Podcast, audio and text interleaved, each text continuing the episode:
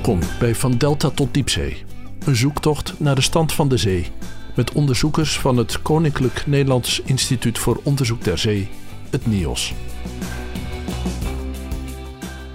Op het moment dat we deze podcast opnemen, is meer dan 10.000 kilometer van Texel verwijderd de NIOS-geoloog Henko de Stichter op het Noorse onderzoeksschip Island Pride onderweg naar Clarion Clipperton, een plek op de Stille Oceaan waar een proef wordt gedaan met diepzeemijnbouw.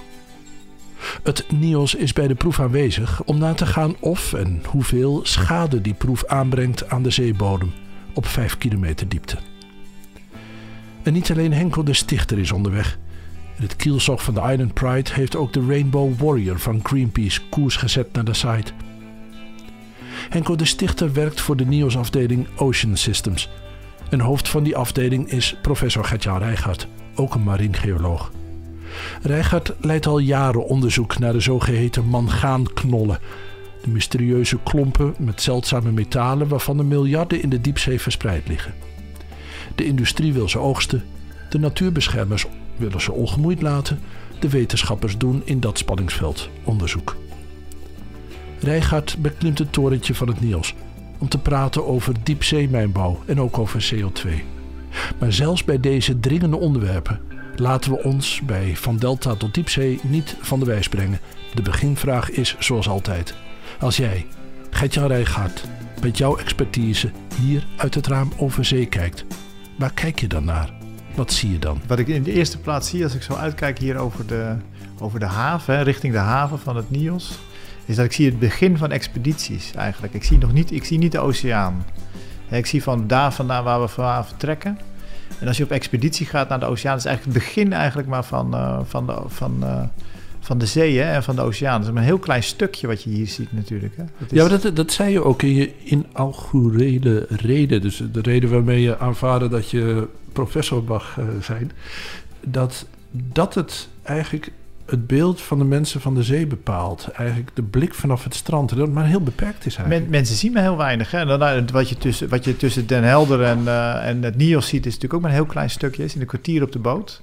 En voor de meeste mensen is dat al een hele reis. Ja. Maar als je kijkt, als je oceaanonderzoek doet... en dan moet je, moet je eigenlijk de hele Noordzee doorvaren... voordat je ergens bent wat echt de oceaan is. En de mensen hebben geen idee van hoe groot dat is... en hoeveel water daarin zit... en de uitgestrektheid van de oceaan. Maar jij weet dat nu, maar dat, dat wist jij dus ook niet. Nee, ik denk, denk je ervaart dat pas als je voor het eerst op expeditie gaat. En ik denk, ik denk dat uh, ik heb dat voor het eerst gedaan in 1992 naar de Indische Oceaan. Dan stapte ik op de boot in uh, Karachi. En toen vaarden we de Indische Oceaan over. En dan, dan zie je opeens hoe ongelooflijk uitgestrekt is dat. En de, de afstanden en dat er gewoon echt helemaal niks in de buurt is. En wat, wat doet dat met je?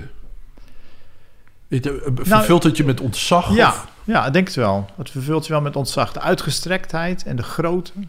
Hè, weet je, dat het zo ontzettend uh, groot deel van de aarde is. En uh, eigenlijk, uh, ja, dat vervult je wel met ontzag. Want jij was opgeleid als geoloog, dus je hebt al een idee van de diepte van de tijd. En nu krijg je ook nog de diepte van de ja, ruimte. Ja, ja, ja, dat klopt. Ja, ja, dat klopt. Eigenlijk wel inderdaad, ja de, ruimte, de, de ruimtelijkheid en, en met, ja, vanuit de geologie weet je natuurlijk wel uh, de vierde dimensie, zeg maar de tijd ten opzichte van wat je natuurlijk om je heen ervaart. Ja.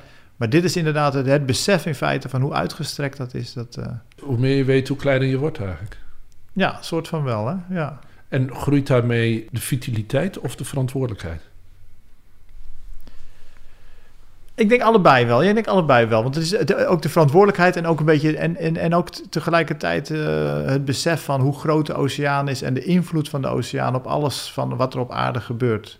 Van met name als je natuurlijk. Ik werk natuurlijk ook als, uh, als in klimaatonderzoek en paleoklimaat. En dan besef je gewoon dat de oceaan is natuurlijk de motor van eigenlijk van alles wat er gebeurt in, het, in het klimaat. He, waar het de het water verdampt, hè, wat de wolken weer vormt, wat het doorgeeft van de energie, hè, de energiestromen door de, door de atmosfeer, transport van vocht. Hè, ja. De tropen waar de grote, grote hoeveelheden water natuurlijk worden opgewarmd, die dat, die warmte weer transporteren. Ja, dat is bepalend in feite voor alles wat er, uh, wat er gebeurt op aarde in het klimaat. Ja, mijn vraag ook, was uh, ja. de vitaliteit of verantwoordelijkheid. Ja, ja, dat snap ik, snap ik. De Ja, het is allebei een beetje. Ik denk, ja, de verantwoordelijkheid natuurlijk, omdat je weet dat door menselijk ingrijpen van alles verandert. En dat, je ziet natuurlijk de oceaan veranderen. En dat, dat, zie ik nu ook al als ik terugkijk naar uh, mijn eerste expedities in 1992. Nou, dat is dus uh, 30 jaar geleden. En dat, toen zag je als de boot stil lag, wat was het, een boot lag stil, dan lag het helemaal vol met vissen rond de boot. En dat is nu tegenwoordig ook minder. Oh ja? Dat merk je gewoon echt. Ja. Hmm. Dus daar, als je zegt de oceaan verandert, dan heb je het vooral daarover. Dat je, dat je gewoon minder leven erin zit. Nou, dat is wat je ziet. Maar wat, wat er natuurlijk veel meer verandert, is natuurlijk uh, de CO2. De oceaan, uh, de oceaan heeft natuurlijk enorm uh, te lijden op de hoe, enorme hoeveelheid CO2 die opgenomen wordt. Ja. 30% van alle CO2 die de mens heeft veroorzaakt op de planeet is al opgenomen door de oceaan. En uiteindelijk zal eigenlijk al, bijna alle CO2 daar worden opgenomen. En dat heeft een enorme impact ook op in de oceaan zijn we aan het force feeden. Ja, ja. Ik, ik, wil zo meteen nog terugkomen op die CO2 en het klimaat. Maar ik kan me ook voorstellen dat als je ziet hoe groot die oceaan eigenlijk is. Uh, en ik vroeg niet voor niets ook naar futiliteit van mens. Dat je denkt van het maakt eigenlijk niet zoveel uit. Het kan wel heel veel hebben. Ja, aan de ene kant is dat wel zo. En aan de andere kant is dat, uh, is dat natuurlijk ook weer niet zo. Hè? Want je ziet natuurlijk, uh, je, weet hoeveelheid plastic die, die er wordt toegevoegd. Dat, dat, dat, dat, dat verontreinigt. Het CO2 heeft al gezorgd voor enorme verschuivingen. En allerlei soorten uh, impact van, uh, van de mensen in de mm. oceaan. Dat heeft toch, je ziet, er gaat van alles stuk. Het is ook heel kwetsbaar milieu natuurlijk. Jij bent uh, een afdelingshoofd van Ocean Systems. Ja. Wat doet jouw afdeling? Het is een multidisciplinair oceaanonderzoek in zijn breedste zin. Hè. Er, zijn, er zit biologie in, zit geologie in, zit chemie in, er zitten allerlei aspecten, klimaat, interactie, fysische oceanografie, allerlei verschillende aspecten van de oceaan. Noem eens een paar vragen die jullie proberen te beantwoorden. Nou, wij kijken, wij kijken naar uh, invloed van oceaanverzuring op uh, calcificatie. Hoe zijn organismen worden daardoor beïnvloed? Maar we kijken bijvoorbeeld ook naar uh, mogelijke, effect, mogelijke effecten van diepzeemijnbouw op het leven in de diepzee. Hè, wat, wat is de impact van dat soort, dat soort dingen op, op, op alles wat er leeft? Is heel breed. Een van de mensen uit jouw groep is nu bezig uh, in de Stille Oceaan met het onderzoeken van effecten van uh, diepzeemijnbouw. Daar is niet iedereen even gelukkig mee. Nee, ik, denk dat de mensen wel gelukkig zijn met het feit dat we onderzoek doen naar de, naar de impact uh, van hè, mogelijke impact van de mijnbouw. Ik denk dat mensen zijn, hebben vraagtekens bij mijnbouw op zich. En ik denk dat het heel terecht is ook om de vragen bij te stellen. Ja. En wat wij zijn, wij, deel wat wij doen, is wij kijken in feite van wat is nou als mensen dingen, activiteiten ondernemen in de diepzee. Hè? Van als stel je voor je gaat uh, bijvoorbeeld mangaanknollen uh, verwijderen. Wat is dan de effect daarvan op het leven in de diepzee? En, wat, wat, en, ook, in, op, en ook op de fysica. Dus wij kijken bijvoorbeeld uh, naar hoeveel wolken worden er veroorzaakt van, uh, van stof als je die knollen op, oppakt van de diepzee. We moeten even een stap terug, want ja? het is ik meen een, een, een, Belgisch consortium dat daar probeert om uh, activiteiten doet vanaf een Duits schip, geloof ik, zo is het ongeveer. Nou, het is, het is, het is de, aan de ene kant wil de industrie, die wil van alles daar.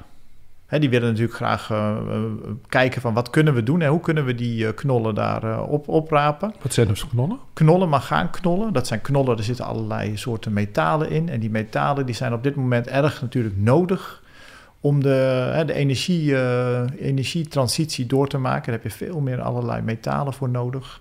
Voor, uh, ja, gewoon voor draadjes, maar ook voor dingen als bijvoorbeeld uh, halfgeleiders en ook voor in, in magneten die je nodig hebt in elektromotoren. Er is heel veel vraag naar.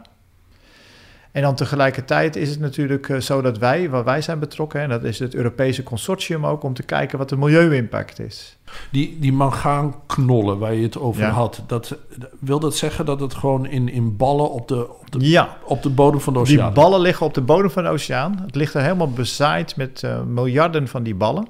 Die miljarden? Miljarden van die ballen. En wat zijn dat voor ballen? Die ballen die zijn, eh, dat is wel heel leuk. Het, dit is een van mijn favoriete onderwerpen ook als ik uh, college geef. Die ballen, dat weten we nog steeds niet in feite waarom die ballen op, het, uh, op de zeebodem liggen. We weten wel dat ze heel oud zijn. Ze groeien heel langzaam, echt een millimeter per duizenden jaren.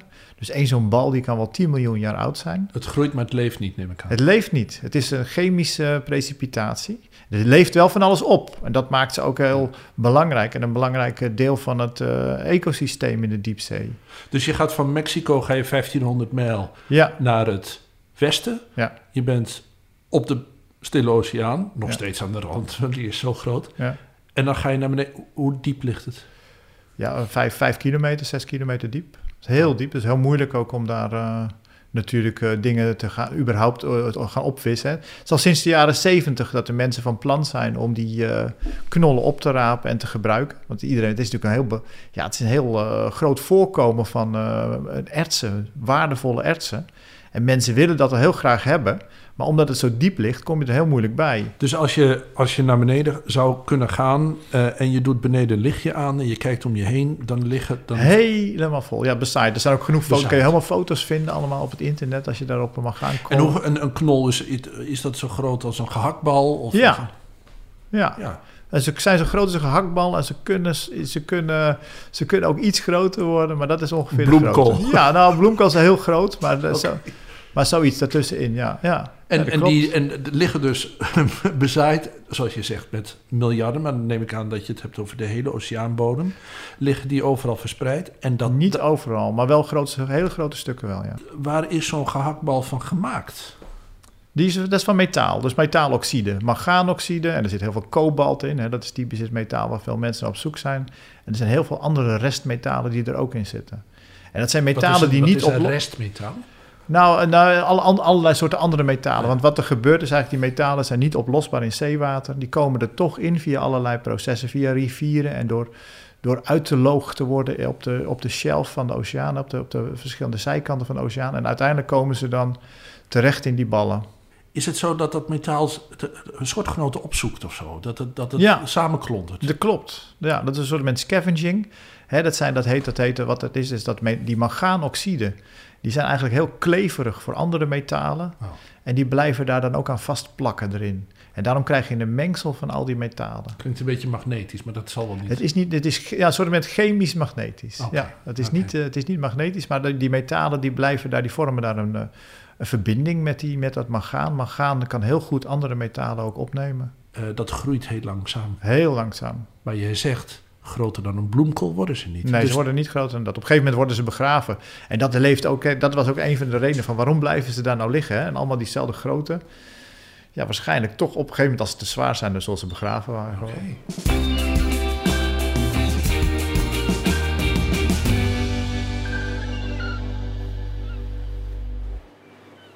Heb je wel zo'n magaanknol in je handen gehad? Ja, zeker. Vaak. Ja. En, eh, eh, ehm, dan, wat heb je dan in, in je? Hoe voelt dat? Wat, eh, Het is zwaar, hè? Het is natuurlijk metaal. Het is een mengsel van allerlei metaaloxides. En dat is het zijn zware, massieve knollen.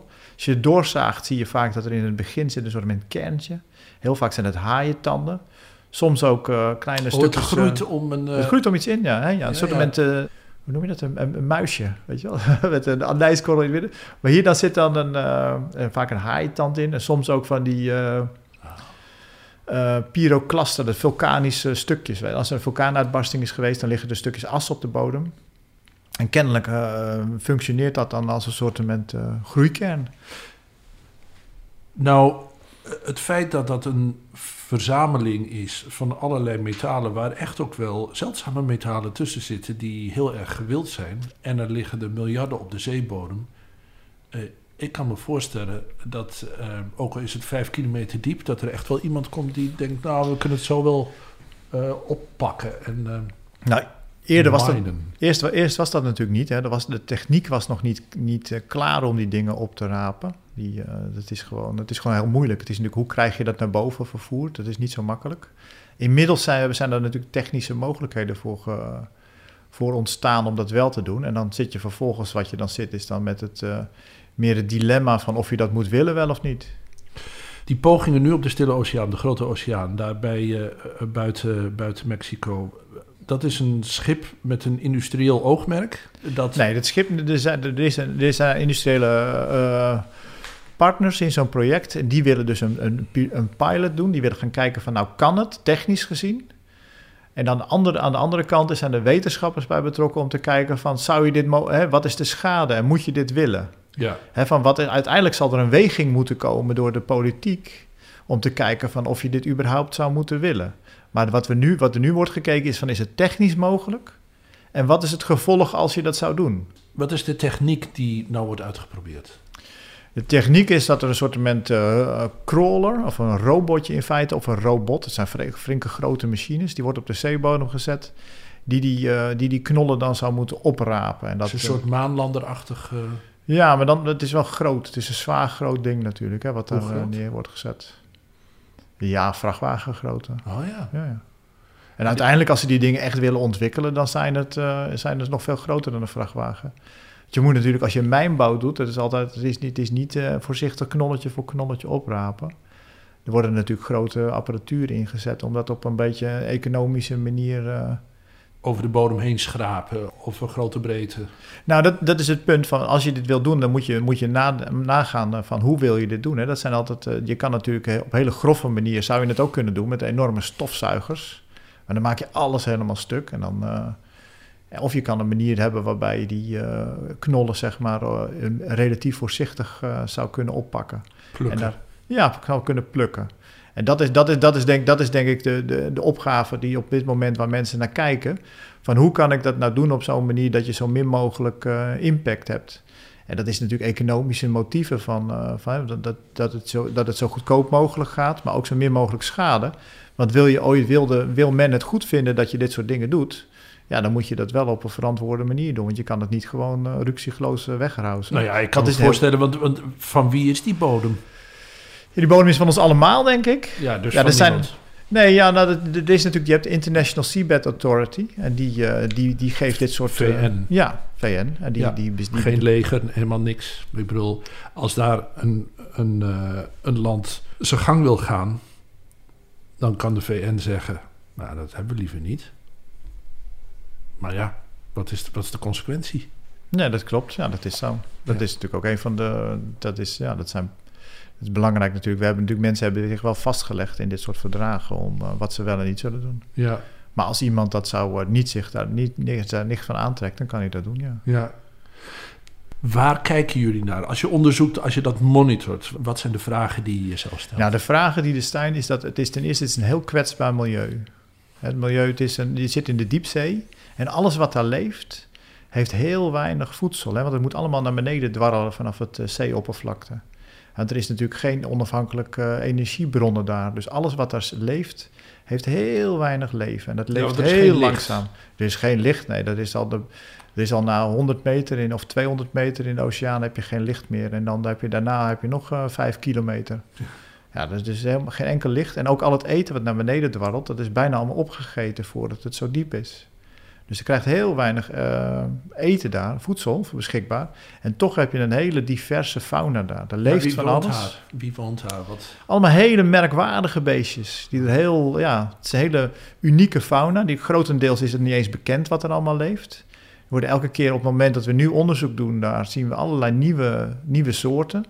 En wij, wij, het is heel moeilijk om daar onderzoek te doen. Het is heel moeilijk om daar uh, goed uh, metingen te kunnen doen omdat het zo diep is. En het is nog een erg, uh, nog niet zo goed onderzocht gebied van, uh, van, de, van de oceaan. Hè. Slechts 5% van de diepzee is echt in kaart gebracht. Ja, maar het, wat daar beneden woont is vast wel familie van wat we kennen. Ik bedoel, het is bijvoorbeeld een garnaal of zo? Of? Ja, dat is, de, de, bijvoorbeeld dat soort dingen zijn kopperpoden bijvoorbeeld. Hè. En er zijn, wat je daar hebt ook, er is een, er is een unieke, laatst een unieke uh, inktvis gevonden die dan bepaalde manier daar dan een, een jaar broedt op zijn eitjes. En één zo'n een, sprietje wat dan aan zo'n knol vastzit. Dat zijn unieke soorten. Het zijn hele unieke organismen die, uh, ja, die nog nooit ergens anders zijn gezien. Onder onmogelijke druk. Ja, nou die druk weet ik niet of ze er last hebben, want ze zijn zelf natuurlijk ook vooral water. Maar ze hebben vooral lage temperaturen en niks te eten. Dus het leeft allemaal heel langzaam. Dat moet je maar willen. Ja, want dit, dit is wel, het is echt uniek. kijk, aan de ene kant heb je unieke milieus, zoals bijvoorbeeld het regenwoud. Maar dit, dit soort diepzeemilieus, die zijn ook uniek met allerlei eh, soorten en... Dus je weet eigenlijk ook helemaal niet wat je verstoort als je daar... Nee, dat is, en dat, dat is een van, de, een van de doelen van, natuurlijk, van het onderzoek wat er gaat gebeuren. Is van wat leeft er nou en wat, wat zit daar voor fauna? En er is natuurlijk heel veel ook wel bekend. We, we hebben natuurlijk wel allerlei expedities daar gehad. En zijn al eerder daar geweest en er wordt gekeken. We zetten lenders neer die de boel filmen en proberen te kijken ook wat voor soort uh, uh, dingen daar te verzamelen. Er wordt gekeken naar DNA, wat verzameld wordt van die knollen. We kijken naar wat leeft er op die knollen, wat leeft er in die knollen. Want die knollen hebben soms allerlei barsjes, waar ook weer unieke beesten in zitten. Ja. Microben, zitten unieke microben die daaraan vastleven, ook weer vanwege de chemische overgangen. En dat is typisch het soort onderzoek wat we doen. Hè, van hè, van wat, wat, zit daar voor, uh, wat zit daar voor leven? Je krijgt in feite de, de filosofische vraag uh, of het erg is als er iets verdwijnt waarvan we niet wisten dat het bestond. Ja, ik denk zelf dat het wel erg is denk dat, dat, ja, ik denk dat je dat moet weten, want anders kan je ook geen beslissing nemen. Hè. Dat is typisch natuurlijk de, de, de essentiële informatie die je nodig hebt om beslissing te nemen. Kijk, ik heb in principe over, over als je het hebt, hè, je hebt het over het verstoren van dat soort milieus. En dat is een vraag die je op een gegeven moment moet nemen met, met informatie moet hebben om daar een goed besluit over te kunnen nemen. Want tegelijkertijd zit je met de afweging van wat, wat wil je doen op een gegeven moment. Hè. Je, hebt, je weet dat de wij staan voor een belangrijke transitie hè, op onze planeet in energie. we willen af van olie, we willen af van kolen en we willen over naar elektriciteit en duurzame energie, zonnecellen, windenergie. En tegelijkertijd, daar heb je mineralen voor nodig, daar heb je die metalen voor nodig. En die moet je ergens vandaan halen. En er zijn verschillende manieren om dat te doen. Je kan of uh, grote mijnen hebben. Bijvoorbeeld, er zijn bijvoorbeeld gebieden ook in Brazilië waar hele grote mijnen zijn. Dan moet je grote stukken regenwoud uh, misschien uh, verwijderen. Dus kan je misschien terugplanten, dat weet ik niet. Of je moet dingen op de diepzee doen. Daar zitten ook weer unieke, unieke milieus. En al die dingen, voor je, voor je daar een goede beslissing over uh, maakt, zal je hoe dan ook informatie nodig hebben wat je, wat, je, wat je impact is. Je moet weten wat, je, wat, wat, je, wat de gevolgen zijn van een beslissing. Anders kan je nooit zo'n beslissing nemen. En die informatie hebben we niet. Dus het begint, voordat je hier een beslissing over kan nemen, begint het met het doen van onderzoek. Hè, wat leeft er? Wat, is, wat, is, wat is de waarde daarvan? Nou, dat is misschien eigenlijk alweer meer een beetje politieke overweging. En ook van wat is de impact als je daar ingrijpt? Nou, jij, jij zit op de stoel van de wetenschappen, je zit niet op de stoel van de politiek. Hè? Dus wat dat betreft, uh, jij hoeft die afweging niet te maken. Maar het is natuurlijk wel ingewikkeld om te zeggen: ja, nou kijk, die, die, die regenwouden, dat is. Uh, we weten allemaal wat er. En we hebben er allemaal een beeld bij. En allerlei beesten en planten die daar wonen in een uniek uh, systeem. Je kan beter op de oceaanbodem, waar een paar knollen liggen, uh, je gaan gaan. Dat is natuurlijk eigenlijk een heel ingewikkelde afweging. Want wie weet hoe uniek het daar beneden is. Ja, exact. Dat, is, dat klopt. En wat, je, en wat je net al eerder noemde natuurlijk, hè, van dat je niet weet van wie van wat is. Kunnen wij als het Westen in feite, zijn wij gerechtigd om allerlei dingen weg te halen daar voor de komende generaties? Want die, die knollen, zoals ik net al zei, hè, die 10 miljoen jaar oud zijn, die zijn op het moment dat je die hebt gemijnd, is het wel weg. Het is nooit, het is nooit zeg, per definitie is mijnbouw natuurlijk nooit duurzaam in de ja, zin je zei, er zijn miljarden dus. Er zijn wel miljarden, er zijn er wel veel. Ja, en je, moet, en ja, je zal moeten, ook moeten recyclen. Dat is tegelijkertijd, je hebt het allemaal nodig. Ja. Het is wel zeker dat je meer materiaal nodig hebt. Je kan met alleen recycling, kom je er niet. Als je nu zou uitrekenen hoeveel uh, metalen je nodig zou hebben om uh, genoeg zeg maar, elektrische voertuigen te maken op deze planeet om van, het, uh, van de olie af te komen. Ja, dat kan niet met recycling. Je hebt gewoon materialen nodig. Vandaag of gisteren is vanuit San Diego een schip vertrokken, de Rainbow Warrior van Greenpeace, om een kijkje te nemen daar. En Greenpeace, voor Greenpeace is het duidelijk, het moet niet gebeuren. Dat schip wat er aankomt, dat, eh, op een gegeven moment zal dat aan de horizon verschijnen. Komt daar een, uh, een bondgenoot aan? Komt daar een uh, lastpop? Nou, ik, ik, ik, zie dat zelf zeg maar als... ik vind dat heel goed dat dat soort dingen gebeurt. Want het is in feite de stem van de natuur in dit geval. Hè. Die krijg je anders, hebben die niks te zeggen. Aan de ene kant hebben de, heb je natuurlijk de stem van de industrie. Die is duidelijk, hè, die willen geld verdienen. Ja. Aan de andere kant is er natuurlijk de de stem van de natuur ook belangrijk. En vervolgens zal de politiek een afweging moeten maken van hoe of wat, uh, wat we gaan doen. Ja. Dus ik, ik denk dat het goed is dat er aandacht voor komt. Hè. Mensen moeten beseffen van dat er uh, twee kanten aan zitten.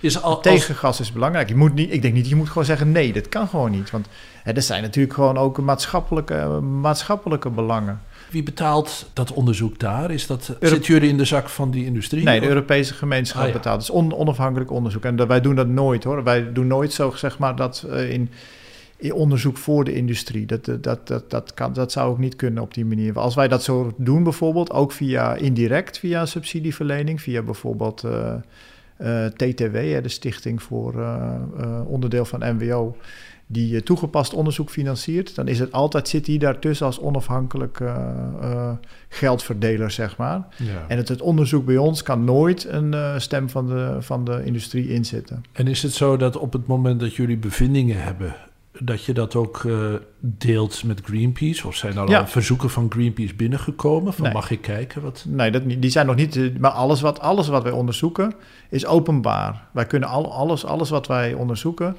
Is, wordt ook gepubliceerd en daar heeft de industrie ook niks in te zeggen. En, en die kunnen niet zeggen van nou, als jullie wat vinden wat niet goed is voor ons, wordt het niet gepubliceerd. Alles wat wij, alles wat wij onderzoeken is, uh, uh, toegankelijk. En ook alle data is ook in principe, hè, die wordt het allemaal uh, vrij toegankelijk voor iedereen. Wat jullie dus doen is meekijken wat er daar gebeurt op de plek waar je nu bent. Maar het is ook een, flits in de tijd. Je weet niet wat er op lange termijn gaat gebeuren. Nou, dat, dat is natuurlijk wel een, een deel van het onderzoeksvraag. Hè? Want er, er zijn al verstoringsexperimenten. We zijn, het is niet dat we dit nu opeens doen. Nee, nee. Er zijn verstoringsexperimenten, zijn al 30 jaar geleden begonnen. En Verstoringsexperiment. Dus je hebt wat verstoord 30 jaar geleden. Ja, 30 jaar geleden nou, dan wordt er een, een, een karrenspoor getrokken van, uh, oh, van een meter of uh, zes breed en dan een paar honderd meter lang. Is in de oceaan natuurlijk heel klein, dus het is wat moeilijk om dat terug te vinden. Maar uiteindelijk kan je het terugvinden. En dan zie je ook dat de impact ook over tientallen jaren... Hè, kan je kijken van wat is nou, zien we dat nog terug? En wat, wat, wat voor beesten komen daar wel terug? En wat voor beesten duurt het heel lang? Want het proces in de diepzee is heel traag. En? Nou, dat is nog 30 jaar geleden nog steeds, eh, is, nog, is nu nog steeds verstoord. Dat is, de impact is uh, blijvend. Als je, dus je moet, je moet daar rekening mee houden. Als je knollen en ter grootte van gehaktballen of bloemkolen naar boven haalt, kan je dan gewoon geen andere daar weer neerleggen? Ja, dat is zeker. Dat is bij uh, onderzoek van uh, Sabine Golner, die ook bij mij op de afdeling zit. Die uh, kijkt naar hoe je eventueel, kan ik nou, kan ik nou in feite het nepknollen maken en die terugleggen. En dat gaan we ook proberen. Die worden, die worden daar achtergelaten. En waar maak je die dan van? Niet van metaal, neem ik aan. Nee, die knollen maak je dan van, in feite, wat ik net al zei, dat een knol groeit vaak rond een substraat. Het kan een haitand zijn of een, uh, of een uh, stukje puimsteen van een vulkaan. Maar in dit geval bakken we knollen van verschillende materialen en die probeer je daar dan achter te laten. En dan kan je over een aantal jaar kijken van, nou, wat voor beesten zitten daarop? En kan ik bijvoorbeeld zo'n octopus die in de diepzee leeft, kan ik die ook voor de gek houden met zo'n nepknol en kan die daar ook op leven. dat je weer een, een, een, leefgemeenschap terugcreëert die in staat is in feite om, uh, om, om dat op te vangen dat die knollen weg zijn gehaald. Ik kan me voorstellen dat als het, het voedsel zo schaars is op de bodem, dat het niet voor niets is dat ze op, een, op zo'n rifje gaan zitten. Maar misschien heeft het er ook wel mee te maken dat ze gebruik maken van juist de specifieke inhoud ja, van het van het knolletje. Het zou kunnen dat dat zou kunnen zijn. Wat je hebt natuurlijk is dat die metalen die geven ook eh, die daar kunnen bepaalde microben weer op leven, bepaalde gemeenschappen, microbiële gemeenschappen die dan bijvoorbeeld uh, weer dienen als substraat voor wat andere leven erop. Dat zou kunnen. Het kan ook zijn dat je bijvoorbeeld verstoring krijgt rond zo'n knol in stromingen, waardoor ze beter het voedsel bij elkaar kunnen harken. Oh ja. En dat, dat kan allerlei verschillende... En dan hoeft het alleen maar een, de vorm van een knol te Dan hoeft het alleen de vorm te hebben. Ja. En ik denk zelf ook dat je uiteindelijk... dat zo'n knol ook weer dient als een soort uh, nucleus... voor het uh, weer neerslaan van, uh, van die metalen. Ja. En dat het een aantal jaren later... of misschien... 10 miljoen. Ja, dat zijn het. ik, ik, denk dat, ik denk dat je, hoeft, je hoeft natuurlijk maar een, een, een, micrometer dun laagje eroverheen te hebben. En dat kan alweer dienen als een volwaardige knol. Oh ja, Want wat er binnenin zit, dat zal die beesten niet weten. Nee, voor een octopus genoeg, maar niet voor de industrie, zeg maar. Ja, als, nou, ja. het is wel. Uh, het, ja, ik weet het niet of het werkt, maar het is, ik, ik, denk dat het een heel goed idee is om te kijken. Je moet in ieder geval kijken of je kan je methodes vinden om dit op een verantwoorde manier te doen. En dit kan een, een mogelijk een belangrijke bijdrage leveren.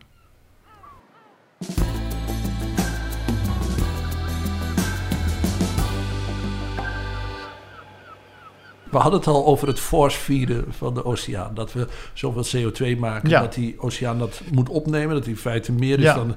Dat ze moeten overeten eigenlijk. Maar hoe gaat dat dan? Hoe komt de CO2 in de lucht in de oceaan terecht? Hoe, hoe slokt hij dat op? Hoe... Ja, dat is inderdaad, dat is, dat is echt heel, heel moeilijke materie om uit te leggen aan mensen die niet. Uh, CO2-chemie van zeewater Dat is echt, en, en om dat uit te leggen, dat zie je ook een van de bottlenecks om dat naar uh, politici of naar uh, policymakers zeg maar, uit te leggen, is de ingewikkeldheid daarvan. En het, het, wat je, waar je het een beetje mee kan vergelijken is dat als je CO2, normaal gesproken als je gas oplost in water, hè, dan kan je maar een klein beetje oplossen. En daarna vormt het belletjes, dan wil het niet oplossen. Je, je, maar CO2... We doen nou cola open. Ja, dat, het wil eruit. Ja. Maar CO2, als dat in water zit, dan gaat het allerlei verbindingen aangaan. En die verbindingen die het aangaat, het vormt, het vormt ook uh, uh, carbonzuur. Dat is in feite waardoor, waardoor je bijvoorbeeld uh, spaarwater, hè, dat bruisende spaarwater, carbonzuur, wat dan ook weer uit wil.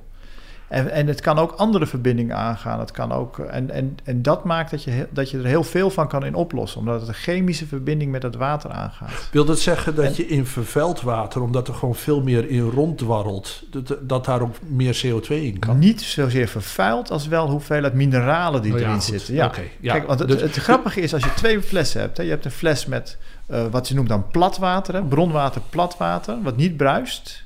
En je hebt bruisend bronwater dan kan het zijn dat er in alle twee net zoveel CO2 in opgeloste vorm zit. Maar de hoeveelheid zouten die er verder bij zitten, die bepalen in feite of het wel of niet gaat, dat, dat, dat, gaat, dat CO2 gaat ontsnappen. Hmm. En dat platte bronwater, dat kan soms net zoveel opgelost CO2 bevatten als een fles cola. En toch als je het opendraait, bruist het er niet uit. En het extreme geval van dat soort water is in feite zeewater. Daar zit zoveel opgelost in, dat het dus heel veel CO2 bevat. En dat is ook in feite hoe dat CO2 erin terecht is gekomen. Dat komt in feite door het, uh, dat, het, dat de gebergten op aarde, als die vormen, die gebergten zich vormen, dan, dan eroderen ze. Hè, dan lossen die gebergten lossen op. En als die oplossen, nemen ze ook in feite, dat door het wordt er CO2 opgenomen. Dat wordt afgevoerd als zout naar de oceaan. En dat noemen we de alkaliniteit. En dat is in feite hoe je CO2 ook uit de atmosfeer komt en in de oceaan komt zeewater zit vol met allerlei zouten en verbindingen en mineralen. En, en, en hoe meer mineralen en zouten erin zitten, hoe meer uh, huisjes er voor CO2 in zitten om in te wonen. Ja, ook. Ja. ja. Dat, dat... Dus de, in de, uh, hoe heet het, de, de Middellandse Zee, die zouter is dan de Atlantische Oceaan, kan ook meer CO2 opnemen?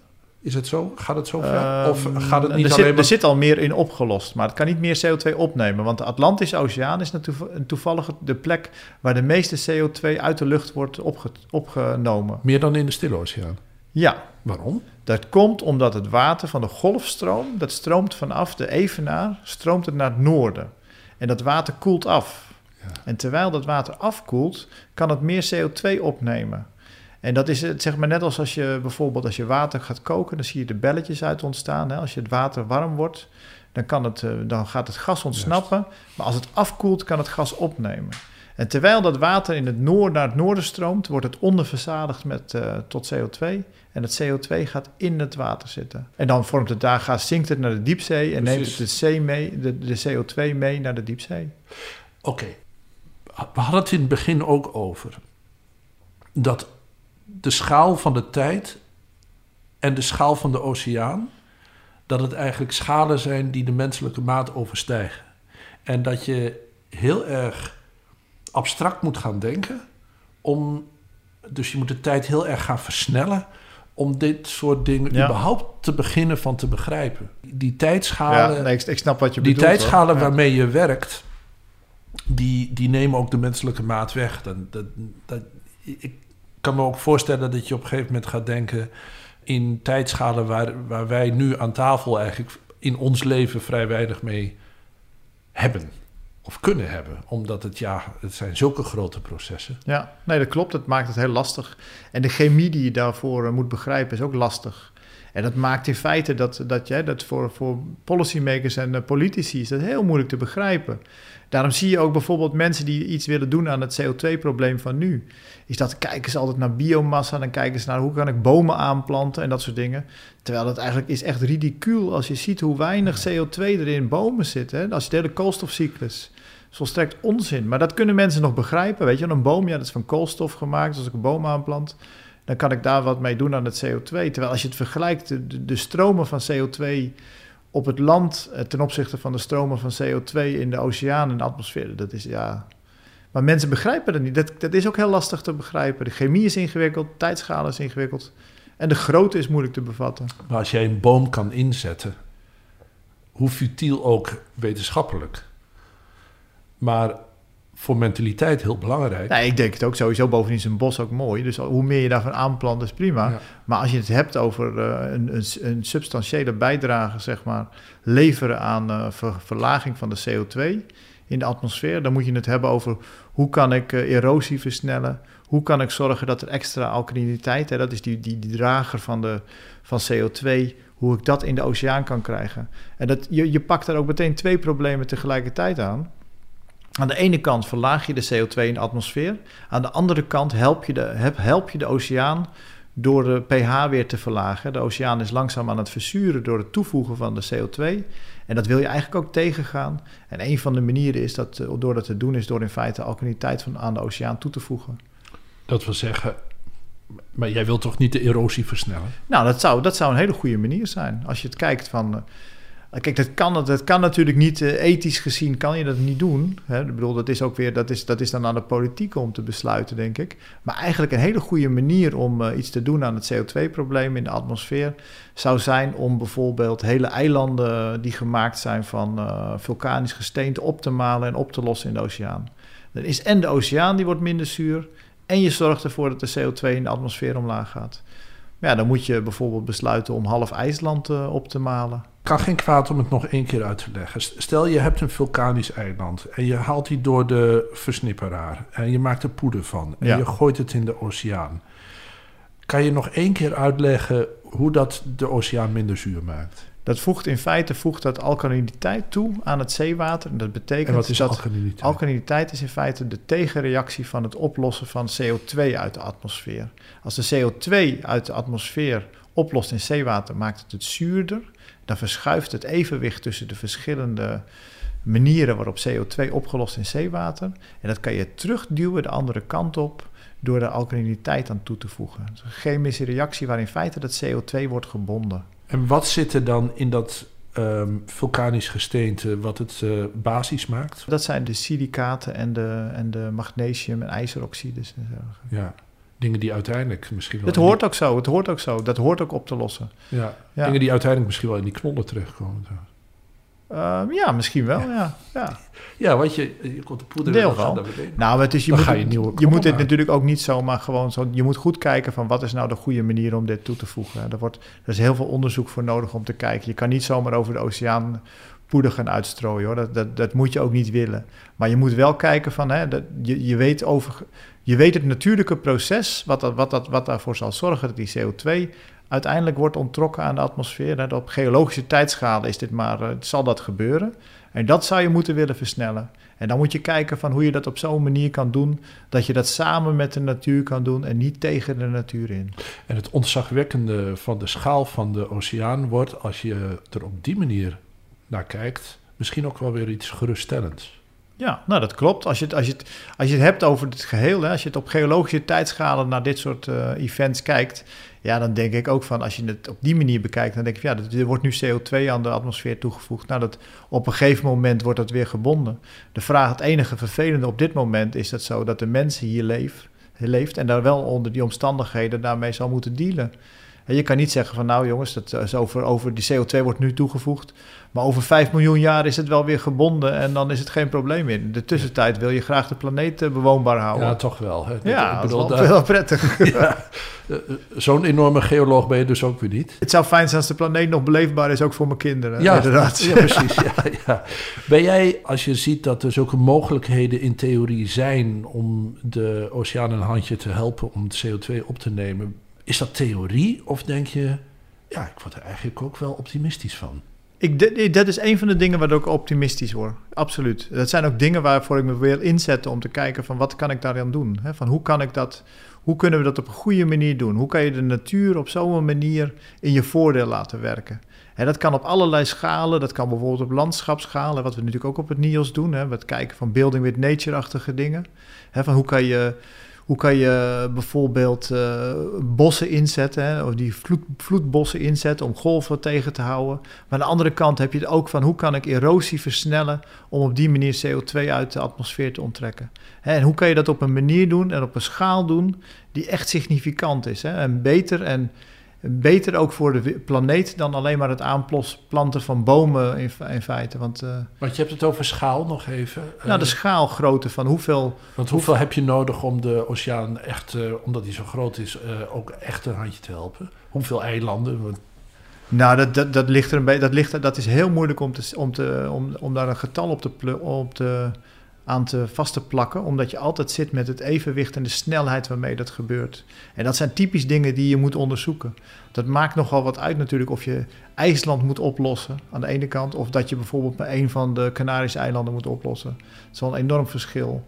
En dat, dat wil je weten, van hoe groot, hoe groot moet dat zijn en hoe moet ik dat op een manier doen die, die, die, die gunstig is voor de natuur en dus niet er tegen ingaat. Nee, ik kan je voorstellen dat als je zegt, nou, als IJsland is opgelost, dan kun je een tijdje vooruit. Kan je je voorstellen dat de IJslanders zeggen. Ja, die zitten er niet op te wachten, dat snap ik. Nee, maar ik denk ook niet, je moet het ook niet zien, je moet het ook nooit zien, zeg maar, als een soort uh, manier van. Uh, van daarom kan ik doorgaan met het produceren van CO2. Hè. Je moet, het moet je absoluut niet zo zien. Het is niet een vrijbrief. Je moet tegelijkertijd, CO2 moet ontzettend naar beneden. Ja. We moeten maximaal inzetten op omschakeling naar een duurzame energiehuishouding. En daarvoor heb je dan die knollen misschien weer nodig. Ja, nee, klopt. Dat, je kan niet of-of doen. Je zal het allemaal moeten doen. Ja, dat klopt. Ja. Oké, okay, dankjewel. Graag gedaan.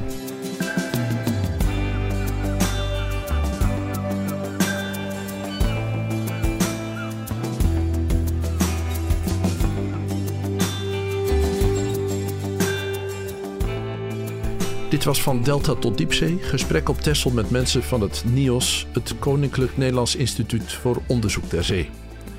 Vandaag was dat Gertjan Rijgaard, hoofd van de afdeling Ocean Systems, in gesprek met Matthijs Deen. Als u zich abonneert op deze podcast, ontvangt u elke maand een gesprek over de zee en haar kostgangers met onderzoekers van het NIOS.